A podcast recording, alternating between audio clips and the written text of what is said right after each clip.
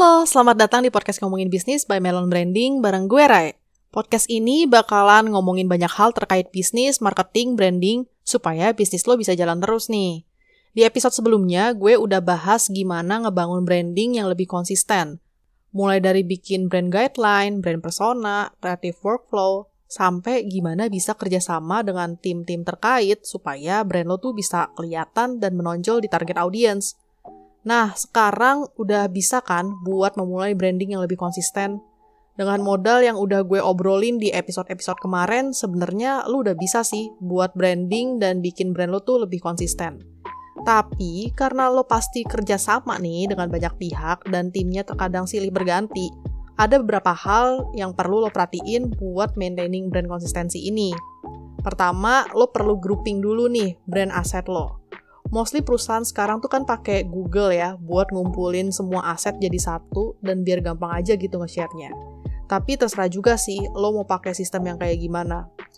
Gue emang saranin kalau semua file apalagi yang bisa di-sharing gitu, itu disimpannya di cloud biar aksesnya tuh gampang gitu. Bisa aja kan nih kejadian lo atau tim mana gitu butuh salah satu brand aset tapi lupa ada di laptop mana gitu, atau kesangkut di file mana gitu. Sampai bingung nyarinya. Jadi emang perlu banget buat bisa nge-organize brand aset lo. Organize brand aset ini nggak cuma nempatin semua aset di sebuah cloud storage ya, tapi perlu juga buat organize nama, kategori campaign, atau kategori aset-aset yang mandatory gitu.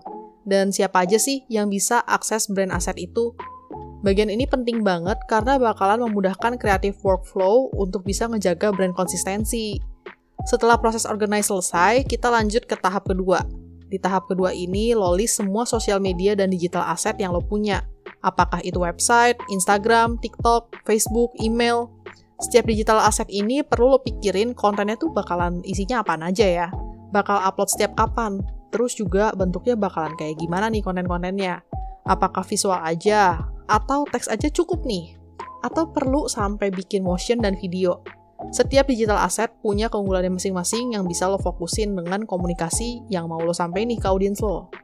Satu lagi yang penting dalam digital asset selain perkontenan, ya udah pasti algoritma ya. Ini jadi penting buat ngejaga digital presence insight soal algoritma ini, terus juga ada brand communication, terus juga ada training dari audience, itu semua tuh bakalan jadi bahan buat lo bisa bikin konten yang diupload secara konsisten di digital asset brand lo. Ini juga yang bikin brand lo bisa terus eksis nih buat audience dan pastinya relevan ya. Nah, di pembuatan konten yang bakal di-upload di digital asset, lo juga perlu banget buat perhatiin brand lo tuh lagi di fase apa, pilarnya tuh bakalan kayak gimana. Terus konten mana aja nih yang dibiarin organik, terus juga mana yang perlu di boost ads gitu. Fase di sebuah brand ini akan nentuin lo tuh mau achieve apa sih di fase ini. Apakah awareness dulu, atau udah sampai di tahap ngejaga loyalitas audience, atau gimana nih? Karena ada sesuatu yang mau di-achieve, pastinya lo punya KPI tersendiri di setiap digital asset dan campaign yang berjalan. Karena udah ngomongin KPI, sekarang waktunya udah bisa nih masuk ke tahap ketiga, yaitu evaluasi. Di tahap ini, lo relook deh dengan apa yang udah dikerjain buat maintain brand lo. Angka-angka yang dihasilin nih ya dari campaign ataupun juga dari konten yang udah lo upload gitu, itu bisa jadi insight nih tentang apa yang udah lo dan tim kerjain apakah ini udah cukup atau perlu diimprove lagi gitu. Kalau achieve berarti udah bisa ke next step atau next fase dari branding. Tapi kalau belum achieve, apa aja nih yang perlu dikerjain ulang? Atau at least ada learnings lah ya untuk next campaign atau next communication gitu. Ngerasa podcast ini ada manfaat gak buat bikin lo ngide buat branding? Kasih rate bintang 5 ya di Spotify Lo juga bisa dapat insight-insight menarik tentang branding, marketing, advertising di website kita www.melonbranding.com dan Instagram kita at melonbranding. Follow juga ya biar nggak ketinggalan insight-insight seru lainnya. Sampai ketemu di next episode. Bye-bye!